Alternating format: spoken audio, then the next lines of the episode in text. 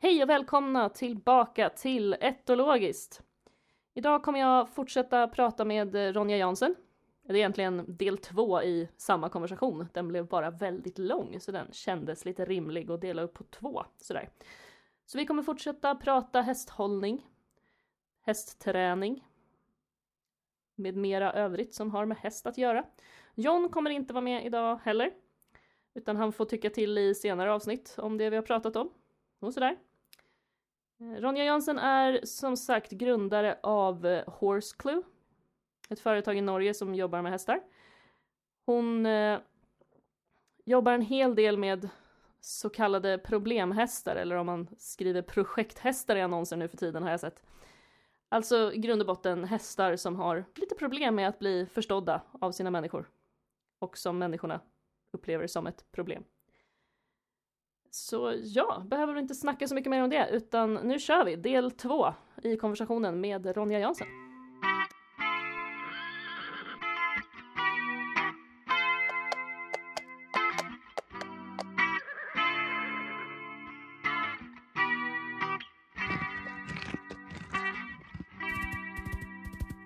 Ja, jag tänkte på det här just med motivation mm. till att vilja vara med andra.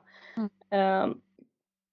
Det kanske skulle vara lite dumt att typ göra en studie på just din häst eller sådana som de som redan är i en väldigt dysfunktionell situation. Mm. Uh, men man har gjort lite andra studier så jag tänkte nämna en annan också som inte, den är, ja, den är tio år nu. Mm. Uh, men den brukar tas upp lite på just, jag minns att vi pratade om den på någon av etologikurserna på SLU också. Uh, det var, alltså det är alltid det, det, brukar ju tendera att man, forskar man på någonting så gör man ju ganska många studier om lite samma sak. Så det är lite samma forskare som dyker upp här och där. Ja. Eh, så liksom. Eh, men det är i alla fall Söndergård igen, Eva Söndergård eh, och lite fler författare. Motivation for social contact in horses measured by operant conditioning. Så då har man, det här har man gjort på lite andra djurslag också, att man lär dem någonting. Att de måste utföra ett beteende för att någonting ska hända. Mm. Eh, för visst, det finns massa andra studier, jag kommer att prata om dem också, där man typ har mätt stressnivåer på att hålla hästar isolerade eller liknande. Men den här studiedesignen talar istället om hur mycket de är villiga att anstränga sig snarare för mm. att få kontakt till det som man vill testa om de vill ha. Eh, på höns har man gjort det här någon gång med hur mycket vill de egentligen ha ett rede att värpa i. Mm. Och så har man lärt dem massa olika hinder. Eh, så de vet ju hur de ska ta sig förbi hindren men de behöver ju inte Liksom. Mm. Det är väldigt mycket jobb att ta sig förbi massa, massa grejer bara för att få tillgång till det här, men de gör mm. det. Mm. Eh, så det var lite samma design med häst, fast det de skulle göra var egentligen att trycka på en knapp.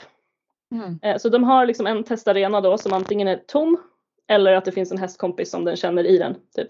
Mm. Eh, och så först har man ju bara lärt dem då att när du trycker på det här så öppnar sig det här. Alltså mm. till en början de beskriver hur de har gjort och det är ju hela shaping-trappan liksom att ja men först mm. bara den är i närheten av knappen så öppnar sig och så mm. eh, och så har man jobbat upp det med att de liksom verkligen får stå och trycka så att man mm. ändå kan upp, förmodligen uppleva att vad fan händer det ingenting för att det förmodligen ändå byggs upp en frustration. Mm. Så att hade inte det där egentligen betytt någonting så skiter jag i det där och går därifrån. Mm. Eh, men då fick de antingen då jobba med de här knapptryckningarna för att bara få kontakt mule mot mule. Mm. Eller hela huvudet eller liksom att de faktiskt fick komma in och verkligen vara full kontakt med den andra hästen. Mm. Eh, ja, kortfattat så det de visade var ju att de var väldigt villiga för att jobba för det här.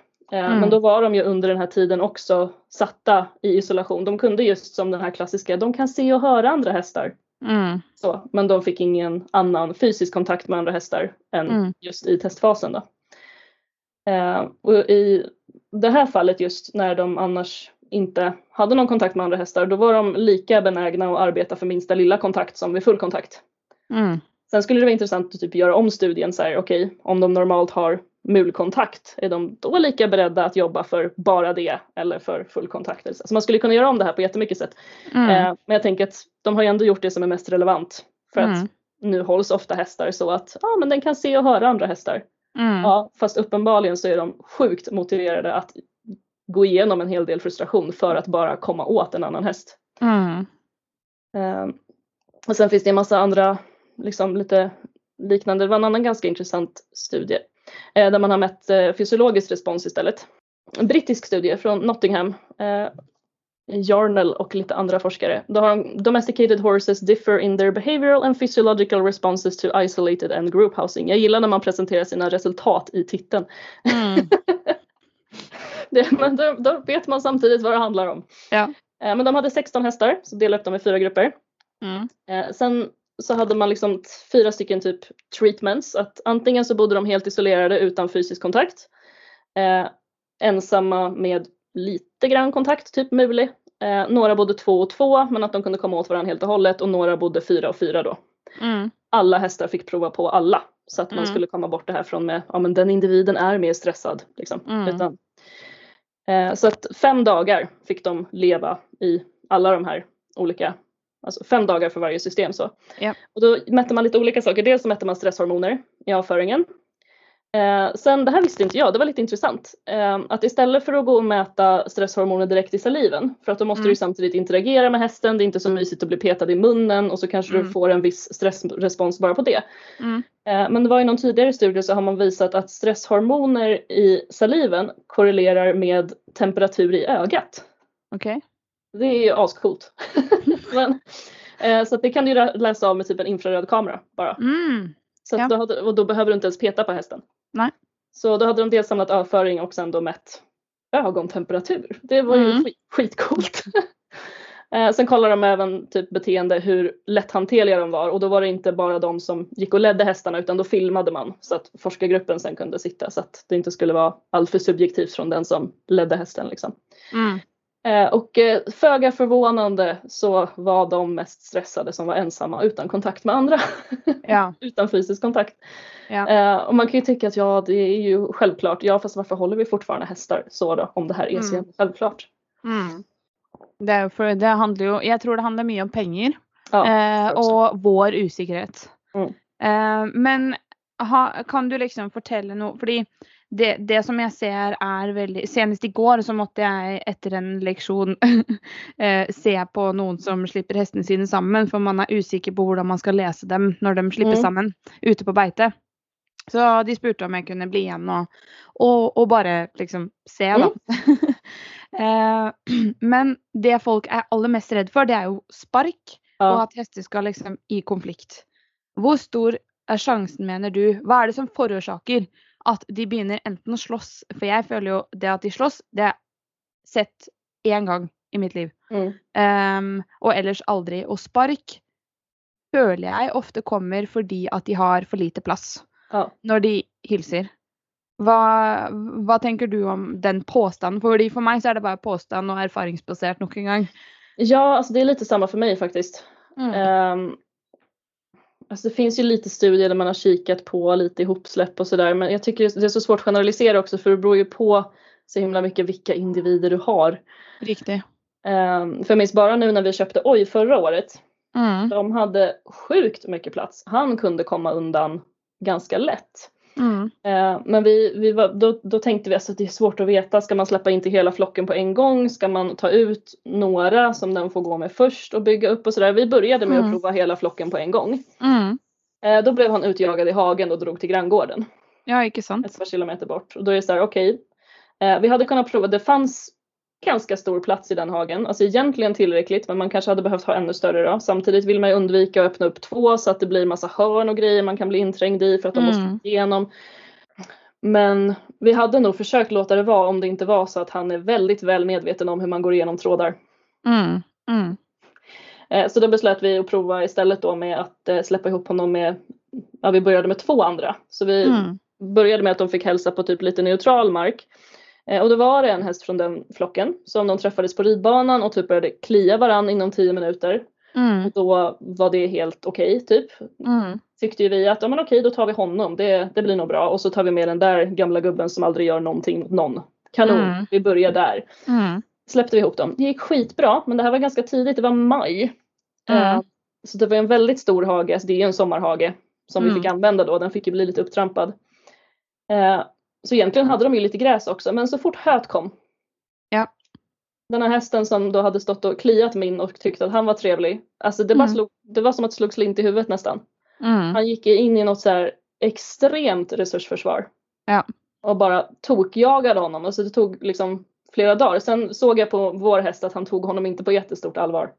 Nej. Alltså ja, han sprang undan men det var så här, fan vad jobbig du är. Alltså visst och han sparkade och så här. Ja. Um, men det är men... ju ofta någon form av resursförsvar. Ja men det är akkurat det och det är också ting som jag tänker att det är vi som inför. Ja. För i, i, en, i en naturlig flock så vill de ju ha mm. tillgång på mat där de har tillgång på mat och det vill ja. vara mat till alla. Mest sannolikt. Så det är liksom, det, det är ju det är ju människoskapt och där tänker jag ju um, när man ska släppa hästar samman så plejer ju vi ofta att tänka att de ska vara mätta. Mm. de ska ha spist först. Ja. Och så eh, kan vi heller då liksom det kan godt være mer mat igjen, men de skal i mm. utgangspunktet være mette. Sånn at ikke det er stress der i utgangspunktet. Eh, og på beite så har du jo ikke det problemet. Eh, det som jeg ofte ser, er jo at de som sparker, er jo de som føler at andre er for pågående. Mm. Altså at de kanskje har hatt mangel på sosial kontakt, og de blir veldig sånn engasjerte og vil ut og sjekke. Mm. Og så kommer spark fordi at det är en annan som har ett större personlig space. Ja. Som känner att jag har ett behov för att få lite plats här. Uh, och där är det ju, det är sånt som jag pratade om lite tidigare med det här med personligheter och sånt. Alltså det handlar för mig mest bara om att kunna läsa hästen min så att mm. jag vet vem den hästen är och att jag kan kategorisera den lite grann. Eh, sån också i flockdynamik då. För det jag plejer att säga är att jag känner att någon hästar är, hästar är klämmare och andra är icke-klemmere. Mm. du har noen hester som är mer glad i fysisk närkontakt än andra. Akkurat mm. som att någon av oss är mer glad i fysisk närkontakt än andra. Mm. Och det är, jag tänker att det ska vara helt naturligt. Vi ska vara olika, vi ska ha olika behov. Alla hade varit lika så hade vi också kämpat om de samma resurserna. Mm. Hvis det är mening. Det är liksom bara min logik då. Mm. Eh, och sånn som Jake för exempel.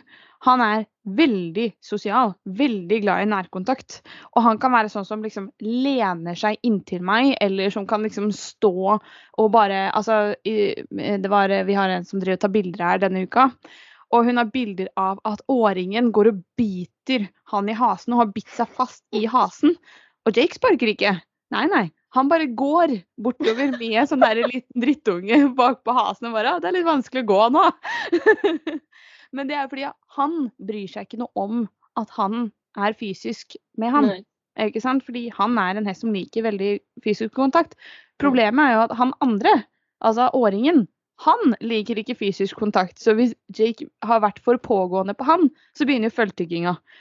Da begynner han å liksom vise at 'jeg er liten, jeg vil ikke, jeg vil ikke'. jeg vil ikke. Han kan legge mm. seg ned og sånn fordi at han ikke har lyst på den der eh, intense kontakten. Og det tenker jeg det er bare fordi de er to vidt forskjellige individer. Mm. Uh, og jeg tenker at Jake styrker han lille, og så blir kanskje Jake litt mer forsiktig av at han lille er litt mer eh, veik, da. Mm. litt svak. Um, och jag tänker att så ska ju dynamiken vara. Och jag tänker att om man har en gäng helt likasinnade hästar så är det större chans för att det blir konflikt då tror jag. Mm. Än om man har lite av var.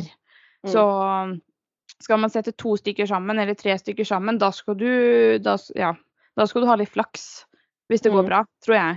Och det huskar jag ju bort på Haväng. Mm. Eh, där hade ju 15-16 stycken. Alltså, det var ju en var skitstor flock och det, det var ju ganska, ganska mycket som kom och gick. Ja, men det gick det ganska var, bra. Det gick ganska bra. Och där hade ju ganska stor plats och det blev mm. väldigt, men jag huskar ju att min häst Ida, hon mm. hoppade ju över gärdet när de var ute på bete. Mm. Men det var ju inte för att de andra aggressivt jagade henne. Men hon har ju, hade ett väldigt behov för plats när hon var osäker. Mm. Så hon löp ju bara. Så då, blev ju, då lagde hon en eh, vad ska jag säga, en sån jagerlek för att hon begynte mm. å løpe. Og så var det noen andre som hadde veldig behov for å hilse på henne. Ja. Og så løp hun, og så bare hoppet hun over gjerdet fordi hun følte seg pressa. Men det var jo mm. ikke fordi noen andre var slemme med henne. Hadde hun bare stått og hilsa, så hadde hun mest sannsynlig ikke hatt noe problemer med det i det hele tatt. Eh, og det igjen tror jeg er både noe vi har skapt i avl, eh, mm. og fordi at jeg tenker vi avler jo f.eks. mer flyktinstinkter i vissa hästar.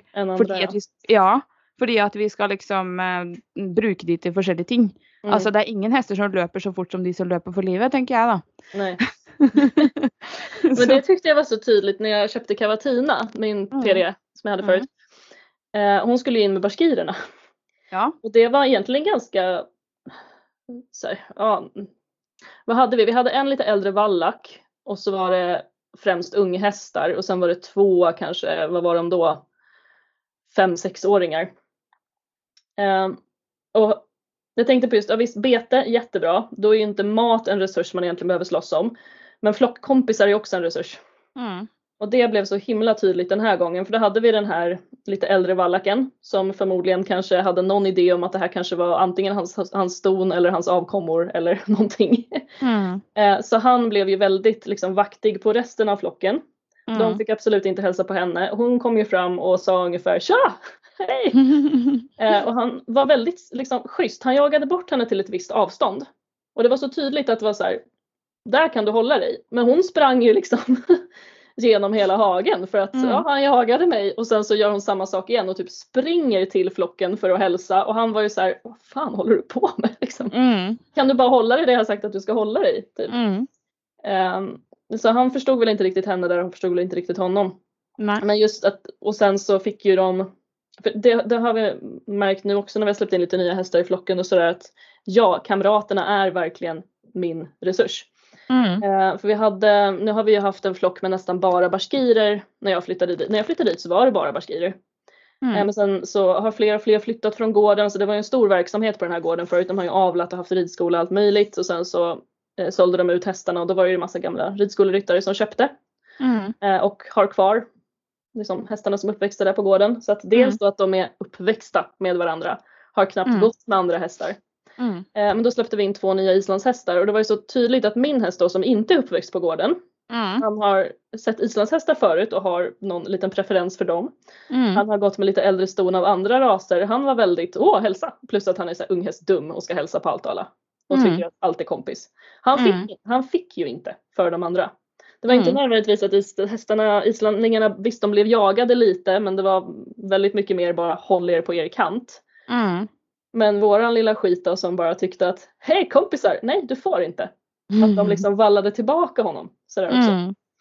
Eh, så jag tror det också är ganska lätt att glömma att nej, det handlar egentligen inte om att ja, vi ska etablera att vi bestämmer över er utan mina kompisar är ju också min resurs Mm. som jag kanske vill ha för mig själv och det kan man väl kanske känna igen sig lite i. Jag vet Ja. Men, Og jeg tenker jo også at det jo det vi kan representere på hestene når de andre hestene ikke er til stede. mm, Fordi hvis vi har en bra relasjon med vår hest, så kan vi erstatte den ressursen, holdt jeg på å si. Hvis du Mm. skal ut og reise f.eks., da, ja, så vil hesten da knytte seg mer til deg enn den Mm. vil gjøre til de andre hestene, fordi den kjenner deg fra før. mm, Men det forutsetter at du har gjort det riktig. ja, Ikke sant? Og at du har den riktige relasjonen. Men jeg har i hvert fall sett det og opplevd det mange ganger. At eh, med hestene jeg har hatt, at de velger da å lene seg på meg. ja, Fordi at det er jo jeg som er dems flokk når Mm. jeg ikke har tatt med resten av flokken på tur. Mens hvis du da tar med to hester som kanskje ikke nødvendigvis eh, står sammen fra før, men som kjører den derre eh, lasteturen sammen, Mm. eh, altså bli hengeturen, og så kommer de fram. Oi, så gode venner de plutselig var når de Mm. kom. Shared, shared trauma liksom. Riktig. Mm, Og da har jo de bonda og eh, delt en usikkerhet på den turen, og så er det Mhm. de to som har blitt flokk Ja. ikke sant? i løpet av den turen. Og så kan de komme hjem, og så er det en helt annen dynamikk i flokken hjemme igjen. mm, Um, så jeg tenker Det er så mye vi skaper, og jeg tenker at det beste vi kan gjøre, er at for det første vi dekker alle de behovene de hestene har, altså så langt det lar seg gjøre, og innen, innenfor de mulighetene vi har å gi dem. Eh, men også det at vi må også tilby dem noe i oss selv mm, som, som liksom kan være med på å erstatte den, det behovet når de andre ikke er til stede. mm, Men vi kan ikke gjøre det hele tiden. nej. Og det er der jeg mange, mange føler at ja, men jeg er jo med hesten min liksom Mm. x antall timer om dagen, og jeg klør den mer fordi den står alene. Det har jeg hørt på en annen podkast og lest også, at folk bruker det som en greie. At eh, ja, siden hesten min ikke deler eh, paddock med andre hester, så bruker jeg ekstra tid i stallen på å klø og liksom ha nærhet med den hesten, sånn at de bonder. Men det er mest sannsynlig i hvert fall 20 timer av det døgnet du ikke Ja. er i den stallen. Mm, Og da er det liksom fire timer da, med eh, hva skal jeg si, stimuli den hesten får, og så har du 20 timer uten. mm, Og det er veldig, veldig lang tid. det vet enhver person som kanske har eh, Altså se på vad som sker med människor som sitter i isolat, da. Mm. De eh, blir ju galna. Mm. Ikke sunt. Ja, men man är ju gjord för att umgås i huvudsak med sin egen art. Det är mm. liksom inget konstigt. Och även om du nu var i stallet 24 timmar, man kan fortfarande inte ersätta en annan häst. Nej. Det här gör man ju jättefel med många andra djurarter också, typ papegojor. Ja. Att, som verkligen är parbildande. Ja, mm. jättemysigt att ha en ensam papegoja för då tyser den ju till mig. Mm. Ja, fast är du hemma 24 timmar om dygnet, du kan egentligen inte erbjuda allt en annan papegoja kan göra. Det är egentligen ganska sjukt att en papegoja ska ty sig till dig istället mm. för till en partner. En mm. partner ska ju både vara en liksom, trygghet, de skapar ju verkligen ett band och också ha sina sexuella beteenden med. Mm. Uh, jag tänker om man, ja, visst häst, visst vi är åtminstone närmare släkt, det är ett däggdjur. Men man, man, är ju inte en häst. Nej.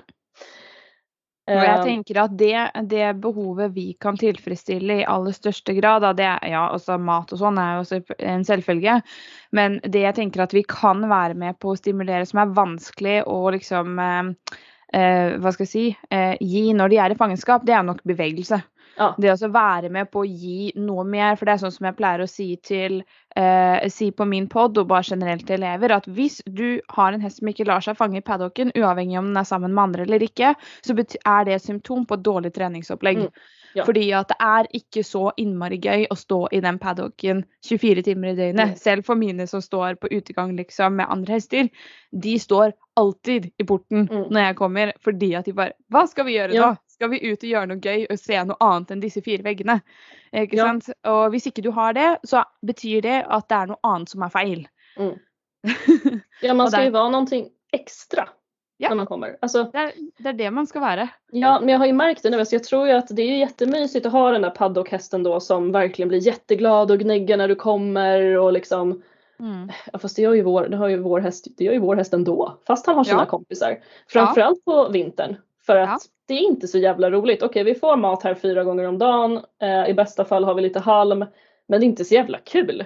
Nej. Med oss blir det en helt annan grej. Det blir, ja nu har inte vi jättegott godis, men i alla fall en möjlighet att få utföra beteenden för att mm. uppnå, åh titta jag gör det här och får det här och han blir ju mm. skitglad när vi kommer. Men visst, så jag har ju mer känt, nu har ju han, han fick ju förgiftningsfång. Mm. Eh, så nu har han ju stått på box. Mm. Eh, och visst märker man då vi, har ju, vi trodde ju i början att oj gud vad stressad han är och han bara står och skriker och sen sa ju de andra i stallet att ja det är när ni kommer. Mm. Inte när vi bara är här. Vi, vi lämnade luckan öppen så att folk kunde stå och snacka med honom och pilla på honom och så här, bara för mm. att det ska mm. hända någonting. Men det är ju när jag och mm. Tove kommer som han blir helt Åh mm. gud, nej! Liksom. Och det roligaste ja. han fick göra då det var, han fick egentligen inte ens gå ut på stallgången men det gick ju inte att mocka.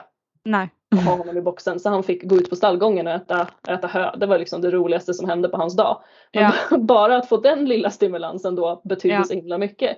Mm. Så visst, jag kan ju förstå att folk tycker att både med hästar och papegojor eller whatever att mm. åh, nej men då älskar den mig. Ja, fast mm. mår den så bra av att älska det? Så det blir ett ganska toxiskt förhållande. Mm, absolut. Och, och, du kan uppnå det förhållandet oavsett. Ja. Alltså, jag, som, som Jake då, han har ju aldrig tränat med godis en gång. Ja, och allikevel så väljer han, ja det är mitt eget personliga forskningsprojekt, det kan vi snacka om en annan dag. jag vill bara se om det är möjligt att uppnå samma typ av motivation mm. eh, utan godbitar som, eh, som med godbitar vid att jag tillpassar mig träningsmetoderna och vad han har för behov av stimuli. Mm. Men oavsett då, så eh, eh, grejen är att han förlater alltid maten hvis han har lyst til å være med og trene. Så selv om han akkurat har fått frokost, og han hører at jeg kommer, for du vet jo hvordan det ser ut hos meg mm. Jeg går liksom opp bakken, og så er jo hingstepaddocken på motsatt side av ridebanen og liksom låven og alt det der. Mm. Du vet den derre broa som går opp til, eh, opp til kurslokalet der? Ja. Der hvor praktikantene bodde? Ja. Mm. Jeg ser han stå i porten där, selv om han har frokost, akkurat fått frokost, eh, så ser jag han står, fordi at da ser jeg han i porten genom den broa liksom på undersiden där, när jag kommer over ridebanen. Och han, så fort han hører mine skritt på väg över ridebanen, så kommer han. Och då står han där och väntar och han kan sluta spisa, han kan stå där medan jag möcker, medan jag tränar någon andra och så kan han gå bort och hämta sig lite mat och så gå tillbaka. Men med en gång jag passerar så kommer han tillbaka och ställer sig i porten för han ska vara med och träna. Ja, kul. Ikke sant? Og det er jo kjempegøy at man har fått det Till trots för att han går i flock med andra unghästar och mm. har ganska bra liv. Till trots för att han har mat och till trots mm. för att han inte får mat av mig. Nej. Jag undrar som individ om det skulle gå med min häst. För han, alltså, för jag tänker PRE, jag gick ändå halv PRE. Mm. Jag tänker med Kava så var det ju en väldigt, hon var ju också PRE. Eh, mm. hon hade ju väldigt mycket egen motivation till rörelse. Mm. Alltså det var liksom okej okay, jag får släppa henne i ridhuset, hon hoppar runt, hon gör saker och sen Ibland kunde det vara så mycket överskott framförallt på vintern när de inte kunde springa i hagen att man bara fixar, ja, ja spring du då. Men sen börjar ja. hon ju ta kontakt efter ett tag och liksom, ah, vad ska jag göra och vad ska jag göra? Mm. Och där, alltså visst jag använde ju godis men det var inte alltid att det behövdes så frekvent eller så här, för att det var så mycket rörelse i henne och att det var lite belöning nog att bara få ah, nu gör vi det här och så byter vi varv och så, ah, jag kan, vill att jag ska stegra, vill att jag ska göra det här liksom. Mm. Alltså oj är ju mer, jag tycker om att stå still. Jag kan mm. parkera vid pallen. Nättopp. Nättopp. Jag kan träna lite på att flytta vikten bakåt. Måste ja. jag verkligen gå? Ja. Men det är, en helt det. annan typ häst. Ja, så då måste du ju motivera med helt andra ting. Ja, han måste, jag tror han måste ha mat för han har ja, men det tror jag rörelsemotivation i sig själv och han tycker Nej, inte det är kul att röra sant? på sig. Och där ser du ju, Jake han leker ju i många timmar om dagen med de andra hästarna. Mm. Alltså han leker så länge att de andra hästarna blir ju lei. Så han må ju ha flera kompisar som han kan rullera på och leka med. Mm. Så han, jag kan ju bara pröva att ersätta det emellan. Att ja. han kan få lov att leka med mig. Det är liksom det jag prövar att tänka och så vet jag att jag kan inte göra för mycket repetitioner för då blir han drittlei och då sticker han. Då säger han bara ha det, nu gidder jag inte mer. så går han och ser på damen istället för. det är liksom, det är sån, så länge jag brukar huvudet mitt eh, och stimulerar han och liksom ger han uppgifter som han syns är intressanta. Mm. Så ja, alltså han, han det och han syns det är mm. jättekul. Men när han var på bete, han ensakade mig. Ville inte vara med. Inte före det hade gått tre veckor. Da, da hadde jeg vært borte, for jeg var innom og sjekka dem to til tre ganger om dagen. I tillegg til at praktikanten var oppe og fylte vann. Um, og da, Han kommer liksom innom, men så var han ikke interessert i å være med. Så løp han og gjorde det han skulle. ikke sant? Mens Jackson, åringen, var med. Men så var jag borta i en uke på ett ukeskurs som jag hållit och när jag kom tillbaka, då var han med. Då, var det så, då hade han märkt att bara det att jag var i närheten var liksom nog. Liksom. Mm. Men när jag hade varit borta en uke, då tror jag han kände på det faktum att jag hade varit borta mm. och att det inte var där. Och då fick han plötsligt ett behov för att vara med igen. Mm. Så då följde han mig till porten varje gång jag var inom och då stod han där i två veckor till och så tog vi dem in från bete då. Så de stod där ute i fem veckor. Och det är ganska intressant syns mm. jag. ja det gjorde för sig, jag tänkte när vi släppte på beten och han har inte gått så länge på bete innan förgiftningen kom då men vi hade ju räknat med att typ men vi låter honom vara nu ett tag. Mm. Igen, ja, så. Han kommer inte vilja följa med för det finns gräs. Redan första dagen, jo men jag ska med in. Mm. var så här, va? Du får typ jättetråkiga pellets av oss. Han, han blir väldigt lätt mataggressiv. Ja. Eh, så vi började liksom, du vet, så, men det är klart han ska ha gott godis. Vi provar morötter, vi provar, man bara, i vintras landade vi på lucernhack. Typ. Ja, sant. Skittråkigt liksom. så att ja, vad fick han vid det läget? Typ lucernhack eller några sådana här grovpellets eller någonting. Liksom. Men jo, han skulle med in. Det, det var väldigt förvånande. Så det är ändå någonting mer än bara godiset som han ändå mm. får ut någonting av även om det inte direkt är åh vi springer utan det, ja. ja där är pallen, jag kan parkera. Ska jag gå mm. också? Fan. Ja men alltså det är en form för mästringsfølelse, det är nog jag ja, snackar om. Att mm. eh, jag, jag tror verkligen på det att kunna ge hästen mästringsfølelse. Och det gäller både med och utan mat. Eh, för så länge du lägger upp det på riktig måte och tillbyr hästen eh, adfärd på riktig måte och visar mm. att men detta här blir jag jätteglad för. Så säger den oj, men kanske ska jag göra det en gång till? Mm. Inte sant?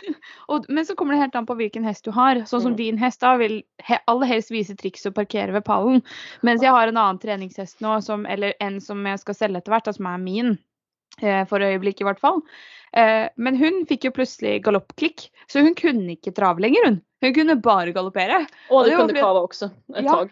Ja, hon är Lusitano så det är inte så väldigt stor skillnad. De har upprinnligen varit samma typ häst. Ja. Men inte sant, alltså, då kände hon, för vi log ju så mycket när hon bara fann ut att jag kan galoppera och så fortsatte vi att le och hade det ganska morsomt med att hon hon liksom tillböd sådana galopphopp. Och hon har heller inte fått något särskilt godis liksom. Hon kan få en i starten och vi sätter oss upp och en när vi är färdiga liksom. Men inte varit något, vi har inte börjat med systematisk trä, eh, på henne då. Och hon, hon tilby galopp i ett förbannat sätt. För hon syns det var så kul och fått massor mestringsfølelse. Men, eh, och det var en häst som opprinnelig styla. eh, bara från backen liksom. Styla och styla och styla och styla. Men så har vi bara infört ting på hennes måte och sett vad slags häst hon är och vad hon tränger. Och så har vi infört det väldigt sakta. Till att börja med så skritta man ju bara, bara satt där. Jag sitter på henne och väntar till hon har sovnat och så hoppa av igen. Bara sant? att etablera ro och liksom trygghet mellan mig och henne. Og så plutselig så bare kunne hun tilby masse fordi at hun har fått selv, eh, selvtillit. Og hun har aldri steila i det hele tatt med meg. Og det er kjempegøy det er så mye mer i denne kommunikasjonen enn mm. eh, en hva man lærer fra starten av. Og det er egentlig veldig synd. Mm. Men eh, ja, hvis ikke så hadde ikke du og jeg hatt noe jobb, da. hvis ikke det hadde vært så mye rart vi mennesker gjør med disse dyrene som burde rettes opp i.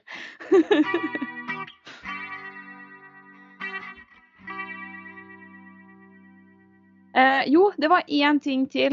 Eh, men det jag tänkte att vi kunde kjapt in på, det är lite här med aggression igen som du mm. nämnde. För du det. nämnde det med mataggression. Mm. Eh, men jag tänker också det där med när hästar börjar att slåss. För att jag har sett, eh, är det, har jag riktigt intryck om jag säger att det är vanligast att hingstar slåss? Alltså, ja, det tror jag. Ja. De har lite jag... mest saker att slåss om. Nettopp. Ja. Men jag har en gang så har jeg møtt hopper som slåss med hverandre. Oj! Ja. Det har jag typ aldrig sett. Nej, inte jag heller. Och det var inte hopper med följ heller. Så det var liksom, det här var snack om mat. Ja. Mm. Och det här är alltså, för det var en femårig hoppe och en vuxen hoppe och bägge två är väldigt Mataggressiva? Eh, eller? Ja, alltså väldigt damer. Mm. Bitches liksom, sån ordentlig märr. Rett og slett. Eh, och de två slåss. Så de, måtte, de skada varandra alltså. Alltså visst, man har ju sett det här när de typ står med rumpan mot varandra och halvsparkar och piper eller ja. att de kickar men inte regelrätt alltså slagsmål så som man tänker sig hingstar. Det Nej. har jag aldrig sett ston göra. Alltså. Det är helt insane. Jag har bara hört och sett den ena gången. Men det är ganska sjukt. Ja. Och jag, jag kan inte se för mig att det ville skett i det fri. Nej. Nej, inte yeah. när det finns, det finns tillräckligt med resurser. Nej. Men man har ju forskat lite på det också såklart. Eh, det var bara så här, nej men det du sa förut, så okej okay, vid ihopsläpp att man ska se till att de är mätta. Mm. Gärna ge typ fri tillgång på foder också så att det finns något annat att göra än att bara titta på den här nya, fast som du säger från början också, ha det behovet i stort sett tillfredsställt så att man kan mm. stå och mm. käka lite grann för att det är nice typ. Mm. Eh, men man har ju testat lite olika, det finns en studie från Zürich där man har kollat på um, group composition on agnostic behavior of group housed horses. Eh, jag djupdök inte i den så mycket men man hade testat lite så olika att om man okej fodrade man på marken så var det fler konflikter jämfört med om man fodrade i höhäck typ. Mm. Eh, men en så jätteviktig grej som jag nästan upplevde att jag och Tove fick slåss för i höstas för att få till. Mm. Det var halm. Okej. Okay. Halm är ju väldigt bra. Ja. Vi har, eh, alltså, visst, det allra, allra bästa det är ju om man lyckas ha ett hö som har nästan ingen näring i sig. Jättebra. Mm. För de allra, allra flesta hästar. Sen finns det ju sådana som din Ida som kanske ska mm. ha lite mer energi. Men de all, alltså, mm. barskir, barskirer ska ju helst äta luft. Så. Mm. Um, men och vårt hö har lite för bra energivärden. Mm. Eh, så vi kunde liksom inte ge så mycket mer än 6 kilo hösilage om dagen. Nej. Um, och vi tjatade ganska länge, försökte påverka de andra så att vi kan gå, be gården om halm och så här. Det var mm. inte så jättemycket skador och sådär men man märkte ju, oj vill inte gå ut i hagen. Nej. Eh, alltså okej, okay, jättekul att han vill komma och vara med oss men när han ställer sig och bara jag vill inte gå ut. Då vet mm. man ju att det är för lite stimulans i hagen. Mm. Eh, men det krävdes tyvärr så två veterinärutlåtanden och ett kolikanfall för att vi skulle få Mm. För att mm. vi liksom, ah, okej okay, nu är alla med, lyssna inte på etologen, nej nej tack. Kände jag lite då faktiskt. Ja. Eh, nej men för det hade man tittat på den här studien också att ökad tillgång på halm, färre hotfulla aggressiva beteenden. Mm. Plus att såklart, alltså är de gjorda för att äta 18 timmar om dygnet till så stor utsträckning som möjligt ska man låta dem äta 18 timmar om dygnet. Mm. Eh, så visst det är energi i halm också. Men mm om, man, om det nu är just att det är att man är rädd för att släppa ihop med andra hästar på grund av konflikter och grejer. Det går ju att göra saker för att underlätta. Typ mm. som antingen om man då inte vill ha fri tillgång, nej men då kan man också fodra halm. Kanske mm. någon Antingen en stor portion liksom över natten där de går som vi mest har utan haft, mat. Eh, eller? Vi har hatt halm i finmasket höjnät som har hängt mm. inne i skjulet och det är bara ett nät men det håller i en dag. Ja. Eh, när vi har haft sex hästar.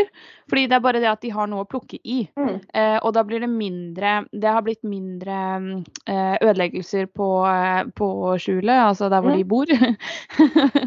Fordi at de har något annat att tygge på. Mm. Eh, och det vi också har gjort är ju, fordi vi har ju eh, juletreplantasje som nabo. Just det. så et, etter jul så är det inte alla de träden som är sålt. Och istället för att han bränner de så hämtar Øyvind ett lass eller två på uh, firehjulingshengeren. Och så ger vi det till både geiter och hästar.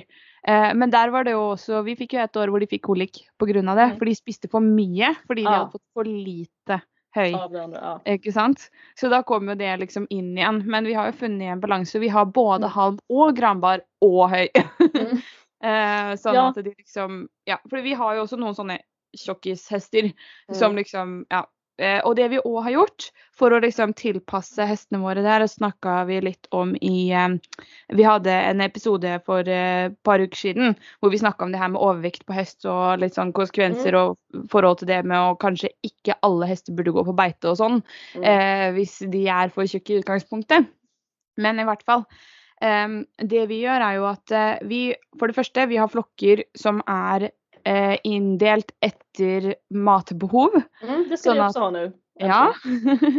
så hos hingstene annet så är det ju då mer av de stora tynne varmblodsene.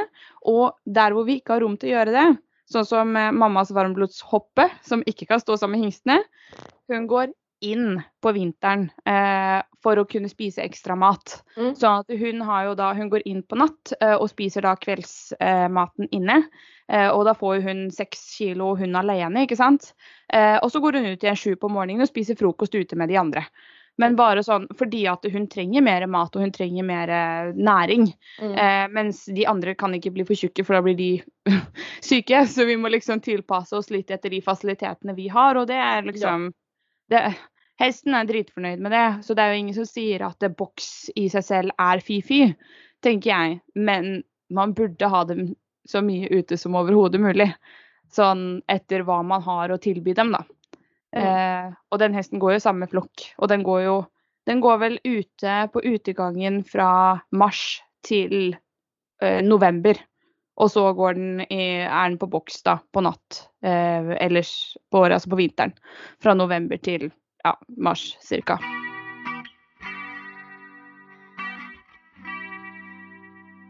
Vi stannar där för det här avsnittet tror jag. Det blir ganska lagom. Det är en dryg halvtimme kvar på vår konversation som vi tyckte var värd att spara. Så nästa gång så fortsätter jag och Ronja prata om det här med ledarskap, dominans. Vad menar vi egentligen med det här? Nu har vi kommit in lite på det med hästflocksdynamiken, att det kanske inte alltid är så självklart. Vi kanske pratar om varandra och inte riktigt menar samma sak. Eh, så vi kommer återkomma till lite det här med rangordningar, dominans, aggression. Vad pratar vi om egentligen? Men eh, tack för idag. Eftersom John inte är här så får jag väl bara bita ihop och säga det igen då. Så eh, ha det bra och ta det cool.